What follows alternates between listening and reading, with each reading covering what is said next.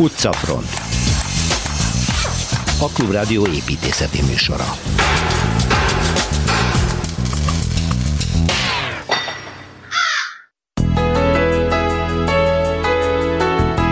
Két hete Szilveszter Ádám a dél-hollandiai város Breda könyvtáráról mesélt, amit Hermann Herzberger világhírű építész tervezett, akit egyébként személyesen is ismert. Most a mester egy másik nagy alkotását, a város színházát járjuk be. Kóser Mészárszékből gasztrokulturális központ, ez a Pesti Buli negyed egyik kultikus helyének a kőlevesnek a rövid élettörténete, amit részleteiben Fonyódi Anita épület és városi fotós tárt föl.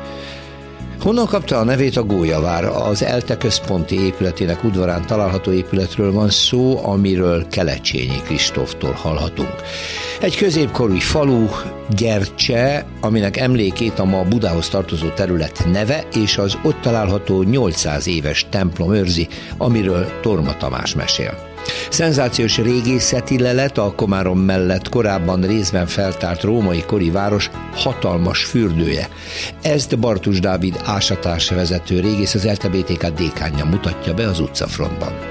És a végén csőposta. A csőposta története és jövője, ami egykor ugyanis kézbesítő berendezés volt, abból a jövőben közlekedési eszköz is lehet a részletekbe. Lacig Bálint avatja be a hallgatókat.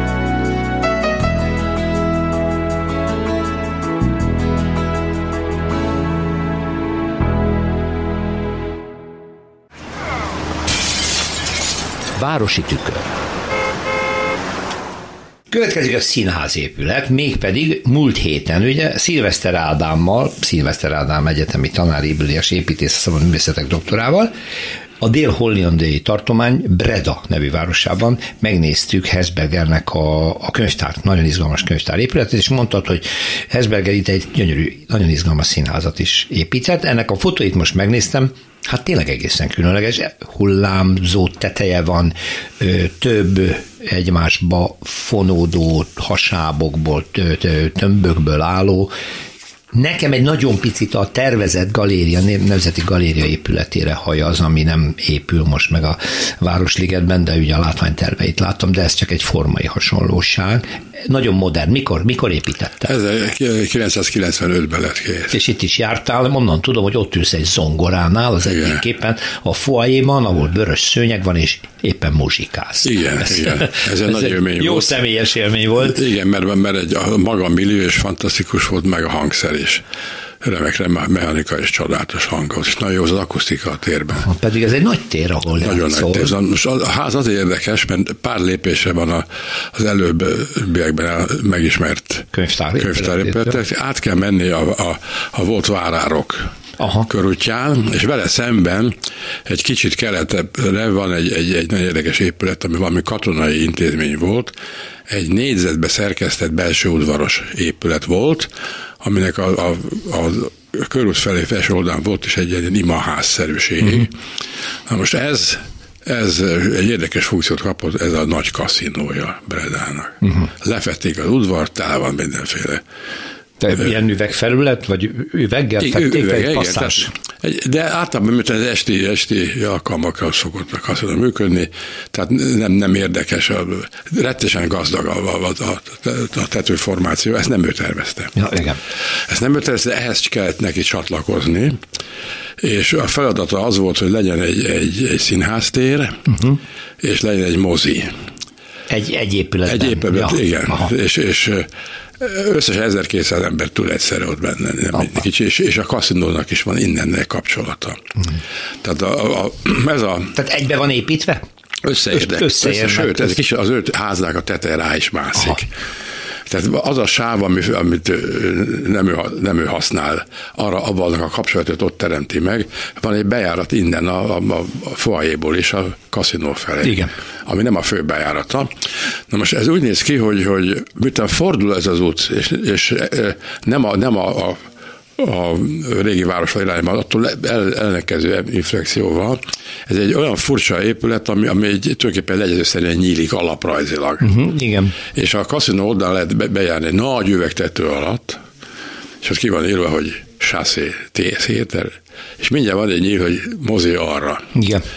És ez, itt elkezdődik az a játék, ami hasonlít a, a, a könyvzárbeli történethez, hogy van egy kis lépcsőn föl lehet menni, és egy hidon, bent, bár benne a foajéba át lehet menni a másik oldalra. És az egész teret onnan belát. Onnan be lehet látni. Aki moziba megy, az ott, ott egy súron be tud menni, és onnan egy kis tudjon, de nem ez a közönség forgalom, csak ez egy jelzés, hogy gyere, gyere, gyere be.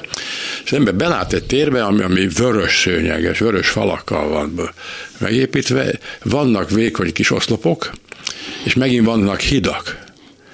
Mert a, a kaszinóban is van egy, egy, egy, egy kis galéria, ott is lehet menni, be lehet nézni a kaszinóba, és át lehet menni a mozi oldalra, és a mozi oldalnak az emel szintjén van egy, egy nagy íves formáció, ami a két nagy tér előtt áll, a folyba betűremkedve, ahonnan további lépcsőkre lehet fölmenni. Majd Igen, a színházban... Mert ezt említetted ugye, hogy Hesbergernek a, az egyik alapkoncepció, hogy ő megőrzi a lépcsőrendszereket, ezeket az áthidaló közlekedő részeket, hogy mindig lehessen az egész teret is látni. Igen, igen, és, és különböző nézőpontokból, tehát sokkal gazdagabb a dolog, hogy nem, nem mi, mi, mi lett a lépcső? Hát menekülő lépcső lett. Uh-huh. Füstmentes, bezárva, semmit nem lehet látni. Ez egy... Igen, igen. Valahol mindig a hátsó fertály osztályon van. De, de hát a barokk lépcsőkről hát szóval el, el, el, hát, kell magyarázni most, hogy mennyire fontos dolog volt az épületben a lépcső.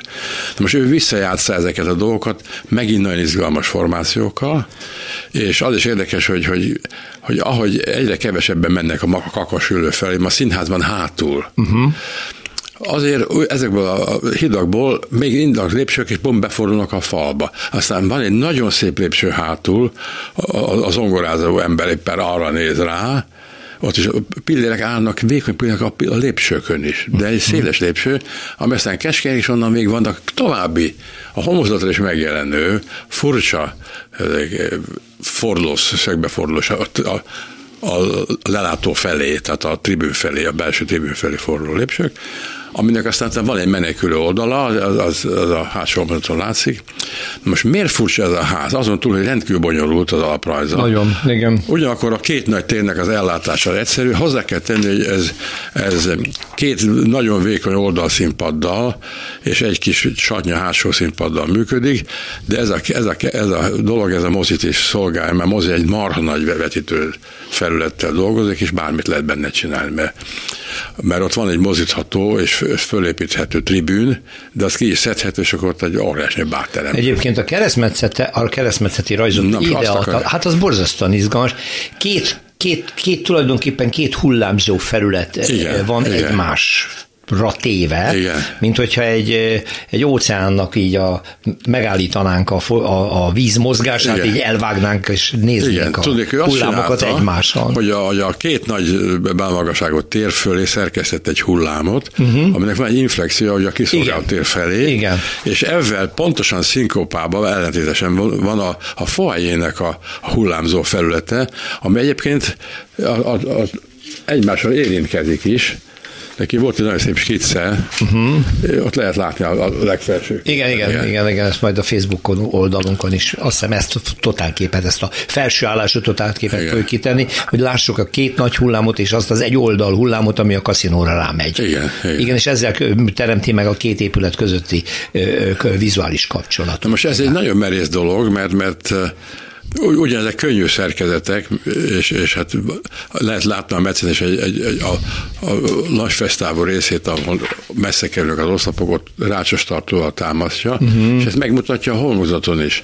Tehát ez, ez egy nagyon attraktív dolog. Nagyon attraktív épület, fantasztikus. És, és nekem azért volt csoda, mert én, én a másik Hezberget ismertem még gyerekkoromból, a Centrálbechert és az öregek otthonát és a gyönyörű szép házait, a két Montessori iskolát, az Appel Amsterdamba, az Apollo Lánon, az gyönyörűek. Hát az ember ez, ez nagyon tud házat csinálni, de hogy erre az útra tért, ez, ez Téged meglepett ezek nagyon szerint, meglepett, igen. igen. Hát a kérdés az, de úgy látom a környezetében, hogy van olyan tér körülötte, hogy rá is tudunk hogy, látni, hogy, szóval, hogy ez nem, nem szorul be sűrű beépített részre, és ezért ezt a hullámszerkezetet távolról is nagyon szépen szemügyre lehet venni.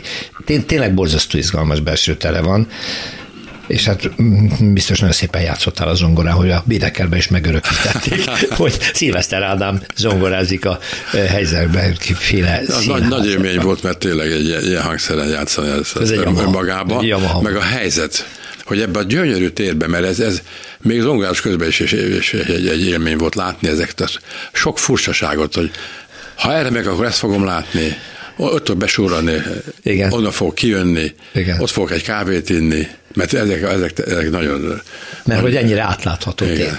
Köszönöm szépen, nagy élmény volt, így képzeletben is utaztunk egyet Szilveszter Ádámmal. Budapesti séta. Megyünk a klinikákra, nem megyünk orvosi kezelésre és vizsgálatra, se laborra, se röngenre, hála a Jóistennek. Bár ha a röngent, a, a, úgy értem, hogy belenézünk egy épületnek a belső szerkezetébe, akkor stimmel a dolog, hiszen Kelecsényi Kristóf épül, építészet történésszel most a budapesti klinikák épület együtteséről fogunk beszélgetni. Szerbusz Kristóf. Szervusz, szervusz. Ez ugye az az épület együttes, ami annak épült, ami ma is, tehát hogy eredeti funkciójában pompázik, amennyire még pompázik, mert itt nagyon sok szép épület van, de nem tudom milyen állapotban vannak. Igen, ugye itt a, a Soténak az úgynevezett külső klinikai telepéről van szó, ami hát annyira nem külső ma már, mint amikor megépült a 20. század legelején. E, ugye ez ott a Ludovika mellett a klinikák metróállomásnál e, található, ugye, ami erről a, a területről, vagy kórházi telepről kapta a nevét, és egy nagyon érdekes együttesről van szó. A, tulajdonképpen azzal kezdődött itt a történet, hogy e, fölépült a úgynevezett kettes számú női klinikája az egyetemnek, aminek hát hogy, hogy nem a füvészkertben találtak helyet. Uh-huh. A budapesti zöld területek ilyen épületekkel való elfogyasztásának a nagy, tényleg legalább évszázados hagyománya rajzolódik itt ki, mert hogy az egész kórházi telep tulajdonképpen a, a, a füvészkertbe volt bele telepítve, és hát akkoriban már nem ez volt az első ötletelés és szándék arra, hogy itt ezt, a, ezt az egyetemi botanikus kertet ugye valamilyen épületek célra használják, tehát például a Műszaki Egyetemnek az épületeit is volt egy időszak, amikor ide kívánták eh, telepíteni gyakorlatilag ennek az területnek a beépítésében, és hát elsőként ez a klinika épült meg, még a 20. Eh, század forduló előtt, Kauzer József tervei szerint. Ebből már semmi nem látható, illetve annyi látható, hogy van egy jelentősen átépített modern kórházépület ennek a klinikai telepnek a középpontjába, ezt közelmúltban újították föl, és amiről igazából ma így eh, beszélni lehet, ugye ez a körülötte lévő hát hogyha most jól rémlik, akkor 9 vagy 10 épületből álló egységes tervek szerint épült épület együttes, ez a külső klinikai telep, szemészet, belgyógyászat, neurológia, sebészet, és akkor az ezeket kiszolgáló... nőgyógyászat is van. A, igen, és akkor ezeket kiszolgáló pavilonok, a mosoda, a kazánház, illetve a, a konyha, ugye ezek voltak azok, amik 1905 és 1910 között a Korp Flóris és Girgő Kálmánnak a tervei szerint felépültek. Ők ugye Hausmann Alajosnak voltak a munkatársai, Hausmann maga is ugye épített kórházat, kórházakat, a, a Budapestet, az osztrák-magyar monarchiában, és a Korvgirgő páros is ugye ezt tulajdonképpen mintegy tovább vitte ezt a hagyományt, és ugye itt ami izgalmas benne, hogy ez ugye nem csak egy egészen egyszerű kórház, hanem ugye ez egy egyetemi kórház, egyetemi klinika, tehát a, a kórházi pavilonoknak és épületeknek tulajdonképpen az előadó és oktató teremmel való ö, ellátásra is szükséges volt, és hát ez meg is van mindegyik épületben, a, vagy majdnem mindegyik épületben a mai napig. És hát maga, maga az épület együttes is nagyon izgalmas, ugye te is mondtad, hogy röngennel belenézünk ezekbe az épületekbe. Azért érdekes, mert hogyha elmegyünk, ugye most a metrópótról, aki használja, sokat láthatja ezt, a, ezt az épület együttest.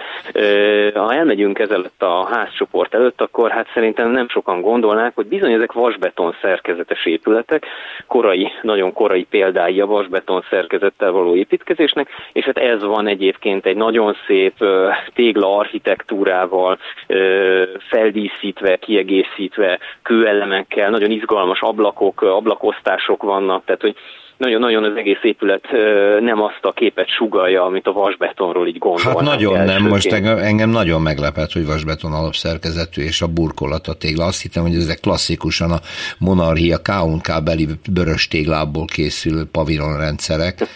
De hát nem, akkor... ugye ez már annál újabb, ez már annál újabb. Lapos tetősek is például, tehát nincsen nekik semmilyen tetőszerkezetük, hanem tulajdonképpen egy, egy vasbeton födémmel uh-huh. vannak Aha. lezárva, és ebből a szempontból, tehát már abszolút egy, egy egészen más időszaknak az előfutárai. Ami még nagyon izgalmas, hogy szerkezeti feltárásokkor kiderült, hogy a vasbetonnak a úgymond a zsalúzására, tehát ugye amit a kiöntéshez Igen. használnak ilyen segédszerkezetet, kérek szépen nádat használtak, és ez a nád benne maradt a falban. Tehát, Igen. hogyha valaki elkezdi megbontani a, a, a mennyezeteket, akkor előbb-utóbb ezzel a nádozással találkozik, ami pedig hát sokkal inkább a, nem a modern építészethez, hanem inkább a, a vidéki építészethez így szoktunk kötni. Úgyhogy, úgyhogy nagyon me, me, meg is lehetett ezen lepődni, amikor ez előkerült. És hát igen, szóval ez az, ez az egész együttesben nagyon izgalmas. A mai napig egyébként a számos építészeti értéke megmaradt, ez egy műemléki együttes, vannak színes üvegablakok, az előadótermekben az eredeti padsorok vannak, illetve hát nagyon sok helyen ugye a, a folyosók közlekedő terek, a burkolatok, azok mind-mind képviselik a, a tulajdonképpen a századforduló utáni időszaknak ezt a, ezt a pár évét, amikor megszületett ez, a, ez az épület együttes. Ami egyébként nagyon szép is az embernek, hogyha nem orvosi kezelésre megy, akkor persze más emlékei vannak, de például, hogyha jól emlékszem, én a sebészetnőgyógyászatot láttam belülről, impozáns gyönyörű lépcsőházai vannak, széles nagy lépcsőkkel, szép fogantyúkkal, tehát az egésznek van egy ilyen nemes hatása, méltóan az, hogy ez lényegében egyetemi épület. Igen, Tehát azt igen, mondod, igen. hogy műemlék védett ezek műemlék, szerint? Műemlék, ez egy védett uh-huh. épületegyüttes.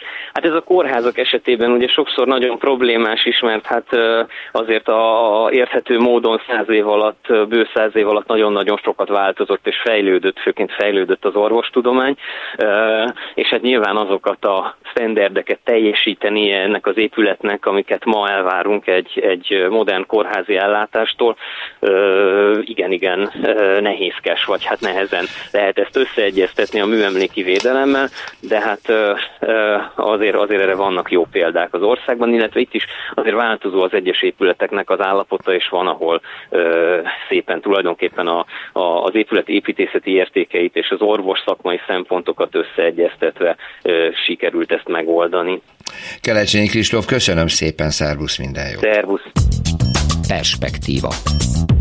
Megint egy ismeretlen helyre visz minket az Egy Helyblokk szerzője Torma Tamás, építészetkritikus. Szia! A Szia, helyet Péter. majd te fogod belőni. Én Igen. csak annyit tudok, amit mondtál, hogy a Gercse templomot fogod velünk ismertetni. Merre található Gercse? Az milyen település? Hát ez is valószerűtlen, mert tulajdonképpen a Nagy Budapest határán belül van. Két irányból lehet megközelíteni, vagy Tehát akkor ez, akkor ez nem is egy település? Egy elpusztult középkori Egykori falu. falunak a neve, Igen, neve az, hogy Gercse. Gercse? Igen, és erről Pest, ez a Gercsei templom. Pest hidegkút, azt mondom. Pest hidegkút felől az egyik megközelítés, uh-huh. a másik az túraútvonal, tehát ott többet kell gyalogolni, de lényegében Óbudáról. Hm hogyha fölmegyünk a Nagy Görcse hegyre, fölérünk a Gerincre, akkor onnan már lefelé vezet az út, és azt hisz, azt hisz az ember, hogy a hármas határhegyi volt repülős, ilyen barangoló tér, kutyás tér, mindenfélere érünk, de nem. nem. Ez bejebb van. Uh-huh. De egy hasonlóan nagy lankás, egyébként rengeteg lovas tábor, lovak vannak ott, meg persze túrázók, mert aztán utána leérünk, és hirtelen felbukkan ez a kicsi, kicsi, nagyon kicsi, valószerűtlen templom. Milyen régi? Hát szerintem 800 éves biztos van. Csú. 1212-ben említik először, uh-huh. és akkor az Óbudai káptalanhoz tartozik, a rövid történet... Már látom is a képet, mert Árva Brigitta szerkesztő megint ide tolja elé Igen. az okostelefonját, és ott van. Tehát nincsen harangtorony, ha jól látom. Nincs harangtorony. Ez egy sátortetős, Igen, ez nagyon-nagyon régi, egy nagyon-nagyon régi, vörös téglából épült elpusztult templom templom a török időkben pusztult el, utána Aha. több száz év szünet, rom, és akkor a 1990-es években újították ah. föl, és akkor is volt ott az első mise, és most is fel van tehát szentelve, aktív, tehát aktív, aktív, templom. Mhm. aktív templom, igen. Azért érdekes, mert ez a vidék, ez a domb, ahol itt a, most a lovak barangolnak, az szőlőhegy volt, tehát ott szőlők voltak, amik nyilván több okból is kipusztultak, és ugyebár ez egy vitatott terület volt, a török idők alatt pusztult el, de nem a törökök miatt, újfent, hanem amikor 1500 90 körül az Esztergomi ostrom környékén a a magyar, illetve szövetséges hadak úgy gondolták, hogy föl kell égetni a Buda környéki, a, a budai szandzsákot tápláló uh-huh. falvakat. És ekkor pusztult el Gercse. Érdekes hadviselés. Aha. Igen, és aztán 500 év újra eltelt, Azt és felkerült a térképre, mert a rom, a rom megvolt ott mindig. Csoda, hogy nem hordták szét, ugye? Ez olyan gyakori volt, hogy különböző Majdnem korokban... széthordták, mert most is van egy oldalt, egy olyan kis romos félig épület, ami talán a sekrestje lehetett, hogy valami ilyesmi, ami uh-huh. már csak rom, nem tartozik hozzá. Egyébként nem mondok teljesen igazat, mert itt a 18. században ott volt renoválás, tehát uh-huh. például karzatot építettek, de aztán utána valóban, tehát egy 200 éves csönd után, 90 igen, 96-ban ott a ez is nagyon érdekes, Óbudai Polgári Társaság, egyik oldal, Pesthidekút Alapítvány, másik, másik oldal, oldal igen. Egyik, egyik oldaláról, másik oldalról közös összefogásából ö, újították föl, és tették újra templommá. Hát akkor egy határvidékre lehet látogatni, igen. igazi túra, Óbuda felől. Gercse, Óbuda felől, vagy Pesthidekút felől. Torma Tamás, köszönjük szépen. Én is köszönöm. Magas lesen. A lapok beszámoltak róla, hogy egy szenzációs régészeti felfedezés történt Komáromban. Valójában egy ismert, a régészek által ismert római kori lelet együttes, illetve település vagy táboron belül fedeztek fel egy új dolgot, egy fürdőt, aminek a feltárása most is zajlik, és ennek vezetője ennek a munkának Bartos Dávid régész, az ELTE ókori régészeti tanszékének vezetője, azért ELTE BTK dékány, aki itt van a stúdióban. Köszöntöm, jó napot kívánok! Köszöntöm a hallgatókat. Télen leállnak teljesen az ásatások egyébként, csak hogy aktuális legyek itt szeptemberben? Igen, hát nem mindig volt olyan, hogy, hogy ástunk télen is. Igen? Idén, idén már, már abba hagytuk egyébként a feltárást, most szeptember elején, még, még nyitva van annak a szervények, tehát még látható előhely lesz egy kulturális örökség napja szeptember 18-án szombaton, akkor lesz még egy vezetés, akkor utána meg lehet még tekinteni, és utána Hú, ez nagyon jó. Visszatemetni akkor, majd, igen. Akkor irány egy hét múlva Komárom. Így van. Egyébként hol találjuk meg? hogyha oda utazunk a városba.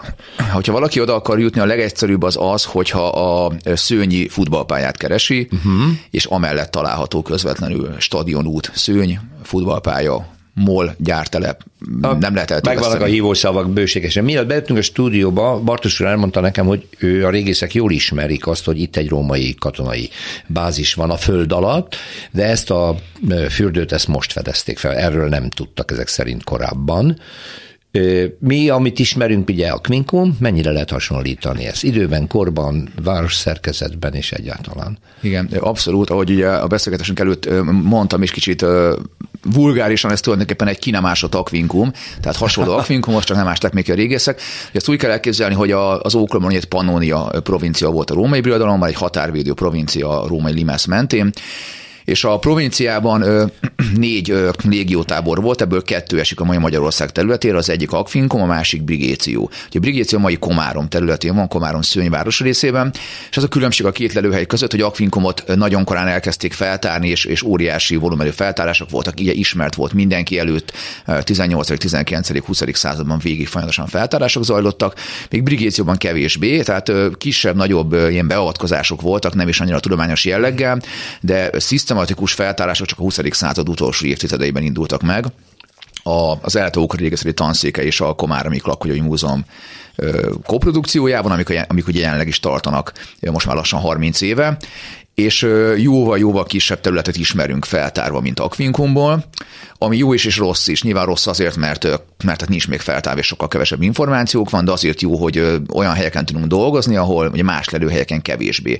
A település szerkezet a szinte teljesen megegyezik alapjaiban. Van egy, egy polgári település, egy polgárváros, mind a két lelőhelyen, van egy, egy légiótábor, ezek nagy, nagy méretű táborokat kell elképzelni. A mi táborunk Brigécióban az kb. 500-400 méteres durván, tehát olyan 20 hektáros, kicsit több mint 20 hektár területű, és nagyjából 6000 katona állomásozott benne, és ekkor volt egy úgynevezett katonaváros, ami a, a katonák családtagjainak, kereskedőknek, kézműveseknek, különböző kiszolgáló személyzetnek volt a lakhely, és egy nagy kiterjedésű város volt. Tehát tulajdonképpen az ókori város az, az legalább akkor volt, mint a mai Komárom és tehát hatalmas területről beszélünk, és a, a, a... Azt lehet tudni, hogy a polgárvárosban mennyien lakhattak. Ugye, ha 6000 katonállomás az ott a légióban, akkor részint voltak a családtagok, részint pedig ö, voltak a nem katonai ö, ö, szolgálatot teljesítő, gondolom kereskedők, vagy akik ott éltek. Igen, igen ők ugye a katonavárosban, és volt még a polgárváros, Polgár. ahol, a, ahol, a, ahol a, a, az volt gyakorlatilag a város. A város. Hát pontos számokat nehéz megbecsülni, ugye a teljes kiterjedését sem ismerjük,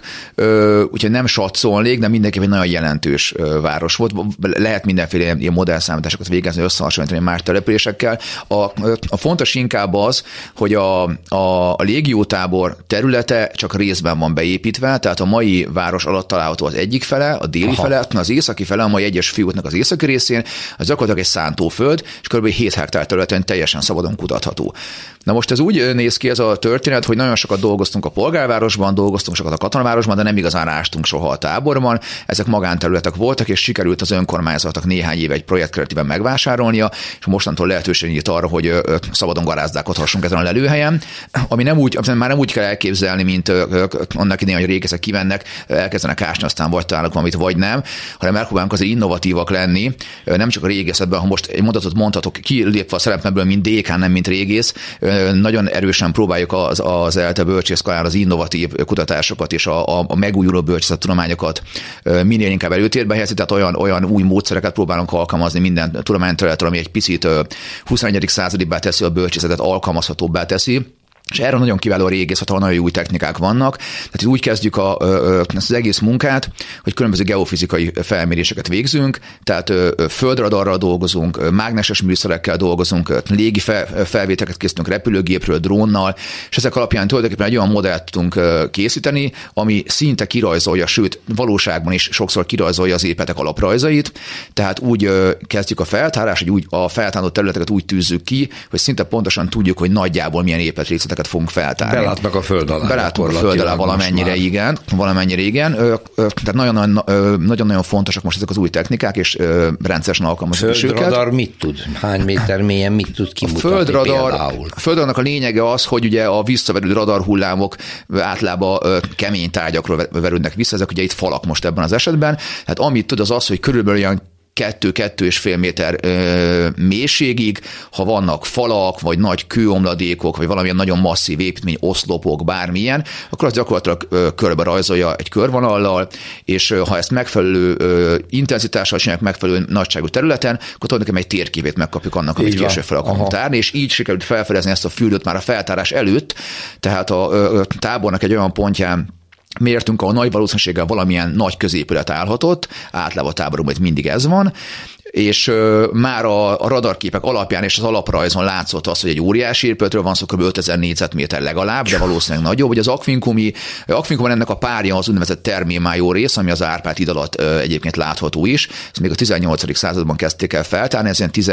16-17 ezer négyzetméter, ha jól emlékszem. Ehhez képest a miénk egy picit kisebb volt, de 5000-nél biztosan nagyobb. Tehát egy óriási fürdőről van szó, és már radarfelvételek alapján látszottak a helyiségek, néhány medencének a körvonalat. Tehát biztosak volt hogy ez egy fürdő hogy nem tudtunk róla semmit, és azért az idei szezonnak az volt, ástási szezonnak az volt a feladata, hogy, hogy úgy tűzünk ki egy olyan 600 nézetméternyi felületet, amit nagyjából két hónapot meg tudunk csinálni, hogy minél több információt kapjunk erről a fürdőről. Hát akkor ugye föltárják, és már ismerős abból a szempontból, hogy egy római fürdő mit tud. Ugye csatornahálózata van, vízvezeték hálózata van, medencék vannak, egyikből folyik át a víz a másikba, tehát nagyon komoly mérnöki munkáról van és mind kőből, ha jól tudom. Így van.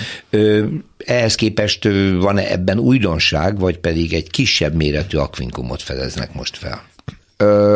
Most még korai lenne megmondani, hogy mennyire hasonlít egymás ez a két fürdő, hogy alapvetően ez a fürdő ez egy közösségi térként szolgált tulajdonképpen az igen, ókorban. Igen. Hát a fürdőkben nem igazán fürd, hát fürd, fürdöttek az emberek, de nem az volt a legfontosabb, hogy fürödjenek, tehát nem úgy kell elképzelni, hogy óriási medencék vannak benne, általában meglepően kicsik a medencék, Ki, még a nagy, még a nagy Sőt, hatalmas kis fülkék is vannak, ugyanúgy. Olyanok is vannak, még a nagy hatalmas Róma városi nagy közfürdőkben is meglepően kicsik a medencék, ahhoz képest, hogy hány sok-sok ezer vagy tízezer ember használta. Ugye ezt a fürdőt is kb. 6000 ember használta, pici medencék vannak, óriási terekkel, tehát nagy bazilikáris csarnokszerű épületet találtunk, és, és óriási tereket, ahol igazából összegyűltek, és mindenféle ügyesbös dolgot megbeszéltek, találkoztak. Tehát tulajdonképpen egy ilyen, egy ilyen közösségi térként szolgált.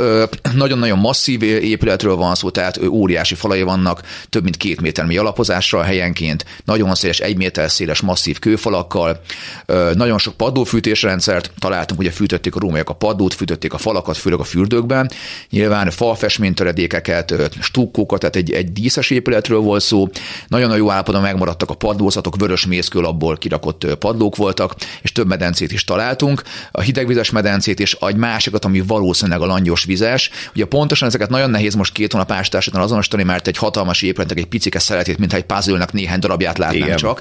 És tudjuk, hogy nagyon mi lett a képet, de nem tudjuk, hogy pontosan mi. Úgyhogy egyelőre találgatunk.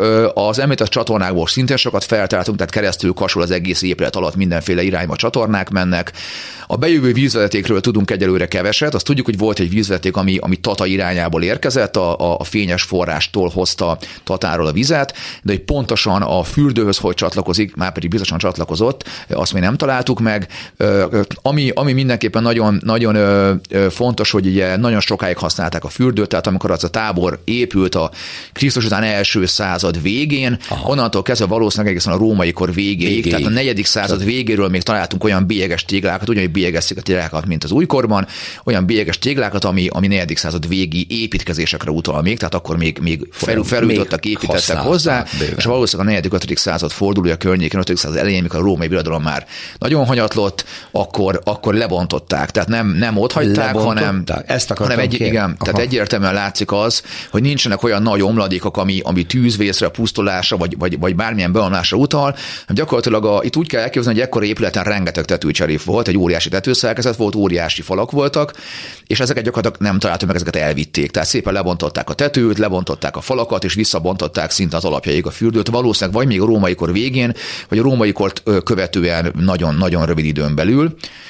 ugyanis a, a fürdő területén találtunk egy késő római kutat, tehát oda ástak később egy kutat, mikor a fürdőt már nem használták, és amikor a kutat is már ö, ö, kiapadt, vagy már nem kellett, akkor elkezdték feltölteni szeméttel, de ez egy olyan szemét volt, ami egy késő római, ö, vagy, vagy hát valószínűleg késő római, mert ez még nem névfándoláskori volt, egy késő római fésőkészítő műhelynek a hulladékanyaga volt, egy csontfésőket készítő műhelyből több ezer darab apró csonttöredéket találtunk, szarvasagancsokat levagdosva, ö, kész fésőket, félkész fésőket, illetve egy, egy fűrészt is, amivel az egészet csinálták és az egészet bedobálták szépen a kútba, és ezzel feltöltötték ezzel a tulajdonképpen Nagyon érdekes, tehát úgy vonul vissza a birodalom, Igen. hogy a légióit hát lényegében lebontja. Tulajdonképpen, nem, nem hagyja maga után, nagyon Tulajdonképpen furcsa. már a negyedik század elején elke, feladják a polgári település, és beköltöznek a táborba a polgári lakosság is. Nem tudják már védeni az egyre erősebb barbár nyomástól a, a polgárvárost, bár annak is volt valamilyen fal, de mégsem olyan, mint egy tábornak, és beköltöznek a táborba, és akkor már nem annyira klasszikus táborként működik, a légió létszáma is jóval kisebb már ebben az időszakban, mint 6000 fő, és inkább egy ilyen erődét, mint egy, mint egy középkori vár úgy kell elképzelni, hogy egy ilyen táborban egy, egy falakon belül az egész. Népesség majd pedig, amikor ugye már, már ott is nagyon forró forró kezd lenni a, a talaj, akkor egyre próbálnak visszavonulni a határvédelem helyett be a, a birodalom, birodalom belsejébe, ami van birodalom, és szépen feladják ezeket a határmenti településeket, ibrigéciót is. Ez egészen fantazió. Van-e arról tudásunk, mert engem érdekel technikailag, hogy ebben az időszakban, első, második, harmadik században hogyan fűtötték? Hogyan melegítették a vizet? Miben? Kőkorsóban? Ha van. most a fürdőre gondol, a, fürdő, Fürdőre a fürdőben ö, ö, fém, tehát bronz ö, boilerekben tulajdonképpen. Igen? Hát ilyen nagy tartályokat kell elképzelni. Ezek, ezek egy-két lelőhelyen megmaradtak nagyon ritkán, de van, ahol megmarad. Hát hatalmas nagy bronz, bronz. tartályok vannak, és ezeket melegítik alulról. Ebben ugye felmenegszik a víz, és ez folyik bele a medencébe egyrészt, másrészt pedig maga a medence is, mondjuk egy melegvizes medence, alulról is fűtve van padlófűtéssel. padlófűtéssel. Hát eleve kapodna egy kis hőt, és eleve, eleve forró víz folyik bele. Uh-huh. Tehát ezt, ezt így meg tudták abszolút oldani. Magát az egész padlófűtés pedig ugye ilyen óriási kemencékkel fűtötték fával, faszénnel. De vannak különböző ilyen rekonstrukciók, erre Törökországban újra is építettek egy római fürdőt teljesen ókori technikával, és kipróbálták, hogy hogy, hogy működik, működik, mennyi fa kell hozzá, hány köbméter fa, mekkora hőt ad le, mennyire tudja felfűteni, hány fokra. De biztosan nagyon meleg volt, mert vannak olyan leírások, hogy papucsba jártak a fürdő, mert égette a talpukat, a, talpukat a, a, a paddó, tehát igen, igen. Ez nagyon izgalmas, ugye. Hát mondta, hogy a fürdő az ugye nem csak tisztálkodása, hanem elsősorban közösségi élet. És orvosok is műtéteket végeztek fürdőben, a igen? leírások, igen. Igen. Ehhez képest még néhány szó arról, hogy milyen tárgyakat találnak a fürdőben. Mi, mi jellemző? Hát alapvetően egy, egy normál fürdőre az lenne a jellemző, hogy esetleg valamilyen szépségápolási igen. Hát, mondta tárgyakat. Igen, csak az már a fürdő utáni periódus, tehát az, az már a fürdőhöz, vagy orvosi eszközöket, vagy bármilyen igen. tisztálkodáshoz kapcsolódóakat. Ugye itt most egy katonai táborban vagyunk, az azért egy picit más, mert a katonák nagyon nem szeretek szemetelni, és azt látjuk itt a tábor ásatása közben, nagyon kevés a szemét. Ami nekünk régeszti le lehet, az nekik általában szemét eldobják, elhagyják, kidobják, takarítanak folyamatosan, és nagyon kevés a tárgyi lehet. Tehát olyan, ami konkrétan a fürdőzéshez kapcsolódója, gyakorlatilag nem találtunk. Nem talán. Dobókockát találtunk például, ami, ja, ami arra utal, hogy közben játszottak a fürdőben is, de gyakorlatilag bármilyen mindennapi élethez kapcsolódó tárgyat bevihettek a fürdőbe, mert ugye nagyon sok mindent csináltak. Volt tisztálkodás, testedzés, szépítkezés, örömlányok voltak, bár a táborban nem biztos, ezt nem tudjuk, de egy normál fürdőben vannak erről is írásos forrásaink, ugye orvosi eszközök, étkeztek, tehát erről is vannak, vannak antik forrásaink, hogy milyen típusú ennivalókat lehetett enni a fürdőkben. Tehát gyakorlatilag bármit lehetne. Mi alapvetően kerámia edényeket találunk, üvegedényeket, fémtárgyakat, ruházati felszereléseket, ruhatúző tűket. Találtuk egy szobornak egy töredéket, egy szobor, egy óriási méretű bronzszobor, életnagyságban nagyobb bronzszobor hajának a töredékét és egy izgalmas kincsleletet, ami, ami egy, egy aranykarkötőből és 36 darab ezüst és, és bronz éremből állt, amit egy ilyen kis erszényben rejtettek valószínűleg el, talán egy barbár betöréskor, és hát a barbár betörés valószínűleg nem érte túl a tulajdonos, mert nem ment vissza a szütyőért, hanem az ott maradt, elfelejtődött, eltemetődött, és azt most mi így Opa. majdnem 2000 év után ö, találtuk meg. Ó, hát ez nagyon izgalmas. Na akkor mi is részesedhetünk picit abból az élményben, amit most itt Bartos Dávid elmondott, hogy ha 18-án elmegyünk az egykori római város feltárt részeit és a fürdő feltárt részeit megnézni, mert lesz egy nyitott nap, ugye szombat, Így van, igen, itt múlva. a múzeum igazgatónő, ugye a számadó emese fog egy vezetést tartani, és az nagyon fontos, hogy ez, a, ez egy, egy hosszú projekt rész, amit csinálunk, és a távlati tervünk az, hogy egy látogatható szabadtéri régészeti parkot hozzunk létre ott. Volt már pályázati támogatásunk, ami egy kicsit most elapadt, úgyhogy igyekszünk mindenféle forrásokat találni arra, hogy itt lehessen egy, egy élő, nagy, mindenki számára látogatható régészeti parkot. Szenzációs lenne, nagyon-nagyon drukkolunk és gratulálunk. Bartus Dávid régészszer, az ELTE ókori régészeti tanszékének Kft-nek vezetőjével beszélgettem. Sok sikert kívánok, akkor hát jövő nyáron nyilván nagy intenzitással folytatják. Bízunk benne, köszönöm szépen. Utcafront. Folytatunk egy nagyon izgalmas sorozatot. Fonyódi Anita város és épület fotós, a Képtér blog szerzője ugyanis egy nagyon jó ö, sorozattal jelentkezett. A funkcióváltó épületeket veszi mindig szemügyre, és gazdag fotóanyag mellett gazdag leírást is tartalmaz a, ö, az, az összes cikke. Itt van Anita vonalban, szervusz. Ma is egy nagyon izgalmas dologról fogsz nekünk beszámolni. Nyilván a bulizók ismerik a Kőleves nevű vendéglőt és annak kert helyiségét, és hát fogalmuk nincs, akik oda beülnek, hogy ez egykoron igazából maga az épület, eh, ahol ma az étterem van, hogy milyen célt szolgált. Hát nem vendéglátás, de a vendéglátáshoz azért volt köze, igaz? Igen, volt valamennyi közös. Sziasztok, és köszöntöm a hallgatókat is.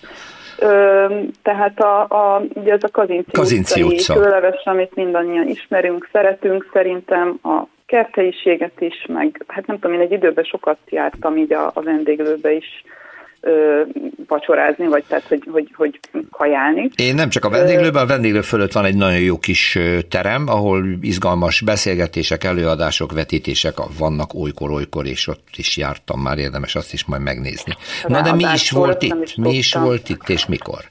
Igen, hát itt a, a tízes évektől egy ortodox kóser húsfeldolgozó üzem volt, akkor még hajfeladó birtokában, és akkor tőle vásárolták meg a 20-as években, 1925 körül a Rébenburg testvérek, ha jól tudom, testvérek voltak, Salamon és Izidor, és, uh-huh. és folytatták ezt a, ezt a húsfeldolgozó ö, üzemet tulajdonképpen, és ami, ami szerintem tök érdekes, vagy hát ilyen kicsit ilyen, tehát hogy, hogy tök jó dolog, hogy ugye ez a tízes évektől működött, és kettő, egészen 2002-ig ö, egy ilyen ortodox hentes volt itt, tehát 2002-ben ö, zárt be, úgyhogy hogy lényegében... Egész addig működött, jé! Egész, igen, igen. Én a 80-as közep, évek közepén fedeztem fel, és akkor vásároltam valamiféle felvágottat, arra emlékszem, mert volt egy pici bolt, tehát lehet, hogy az üzem hát, hátul volt, de volt az utcáról be lehetett menni, Igen. és az udvar felül volt maga a kis bolt, a kóserhúsbolt. Uh-huh.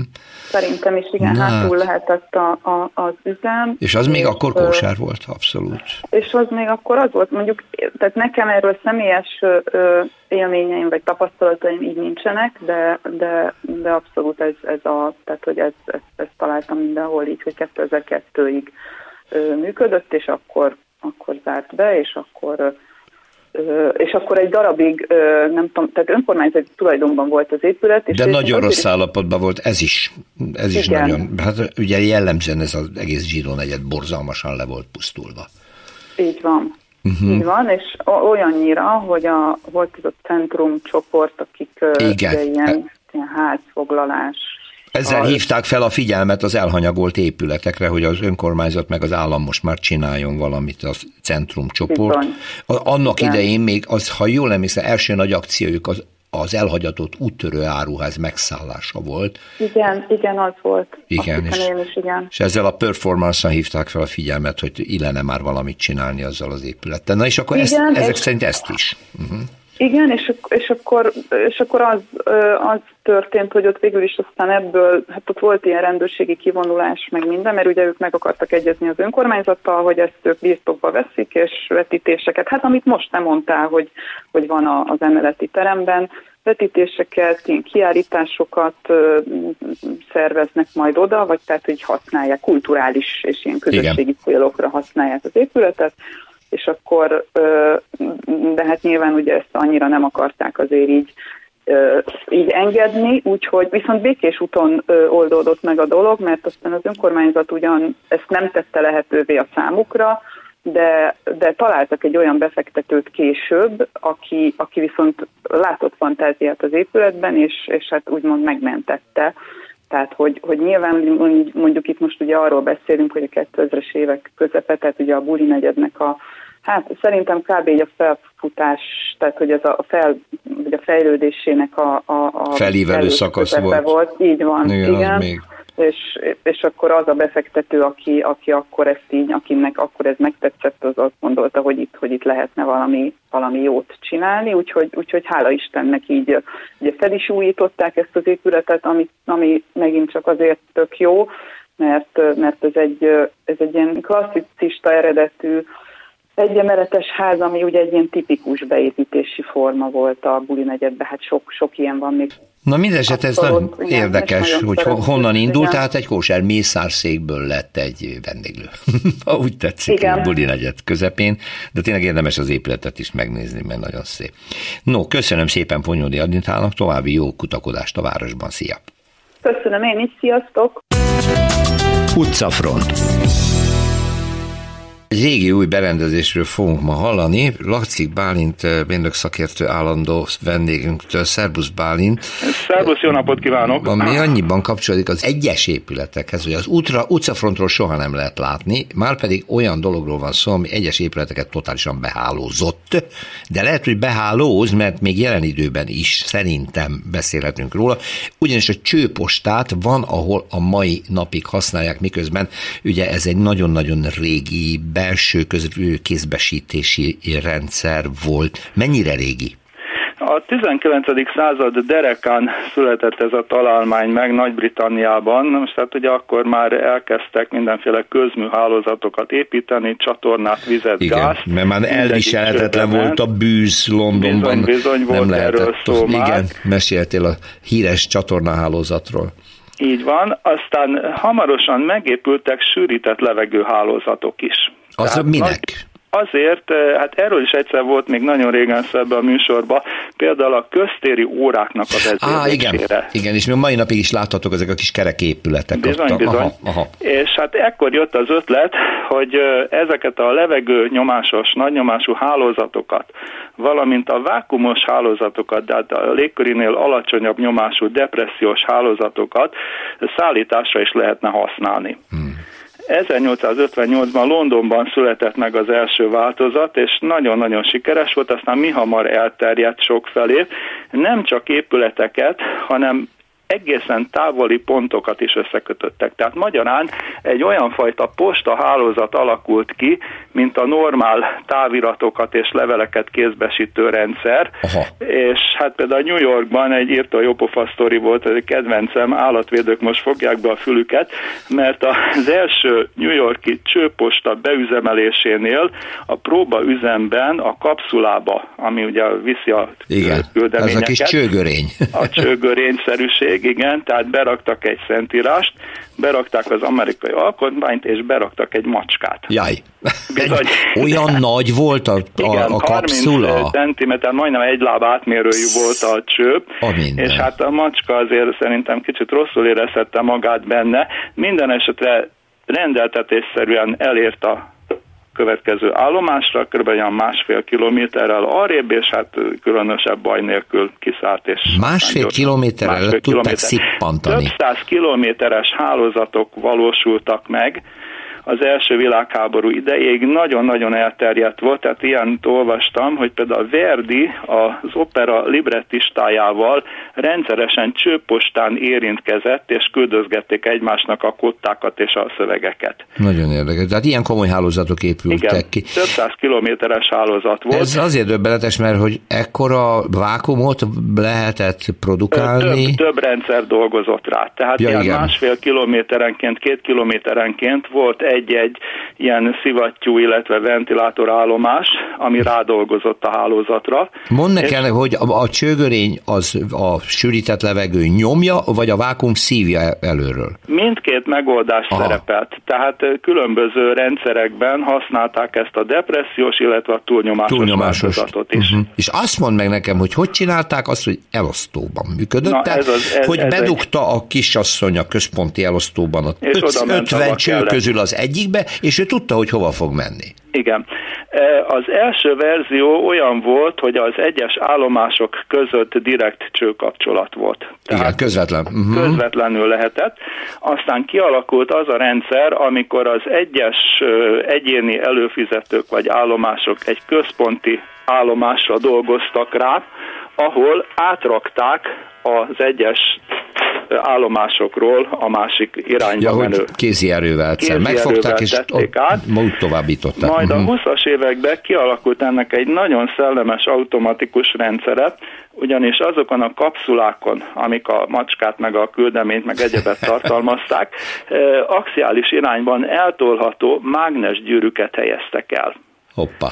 A mágnes gyűrűknek a távolságát beállították a feladó állomáson, uh-huh. olyan távolságra, mint ami a fogadó állomás relé tekercseinek a távolsága. Hát nyilván nem lehetett végtelen sok ilyen állomást alkalmazni. De néhányat akkor kódolni de lehetett 20, 30, 50, 100 esetben ez pompásan működött, amikor odaért a kapszula ahhoz az állomáshoz, ahol ő neki érkezni kellett, a mágnesgyűrűk távolsága megegyezett az állomás tekercseinek a távolságával, tehát ott mindkét tekercsben egyszerre jött létre egy indukciós effektus, uh-huh. ami kinyitott egy relét, és abban a pillanatban lepottyant a kapszula fogadóhelyre. Isteni fantasztikus nagyon, nagyon dolgokat ötletes. találtak ki. Én, én mondtam az elején, hogy tudomásom szerint van, ahol még használják. Pontosan. Nagyon érdekes és szép reminiszenciája van ennek például a nemrég újra épített Continental Hotelben a Dohány utcában, ami a Hungária fürdőnek a Jé. jogutódja. Gyönyörű szecessziós csőposta rendszer működött itt. Aztán ezt neked talán tudni is kéne, mert a Magyar Rádióban is volt. Hát hogy a hírszerkesztőségben ebben továbbították a szerkesztőségből a stúdióba. Ugye, ugye? A Tehát lehet, hogy ez még ma is megvan. Nincsen. Mert a. Magyar Rádiót kiköltöztették a történelmileg páratlanul izgalmas stúdióépületéből is, és le, azt halljuk, és ott volt. És az új épületben már nincsen csőposta. Ott már nincsen. Ott az országgyűlési könyvtárban, egyetemi könyvtárban viszont még megvan, ha már nem is használják, de még mindig megvan. Illetve az utóbbi időben ez mindinkább népszerűvé kezd válni. Ugyanis egyre több helyen új csőpostákat létesítenek, tehát például a budapesti kórházakban jó egy néhány helyen leletek, minták, gyógyszerek továbbítására használják. Na, nesze neked internet. Bizony, bizony. és hát az egésznek a megkoronázása, hogy az Elon Musk, ugye, aki ezeket a holdbéli találmányokat Igen. kitalálja, a Hyperloop nevű ötletével Amerikában egy közlekedési rendszert próbál ilyen csőposta módjára sűrített levegővel, illetve vákummal üzemeltetni. Tehát Kaliforniában már épül egy hálózat, kísérleti hálózat, ami a csőpostának személyszállításra történő alkalmazása. Hát macskával indult, emberrel végződik. Igen, igen, Ez hát nagyon érdekes. Én azért egyre nem akarok beleszállni. Laci Bálint, köszönöm szépen, minden jót, szervusz. Minden jót, szavasz.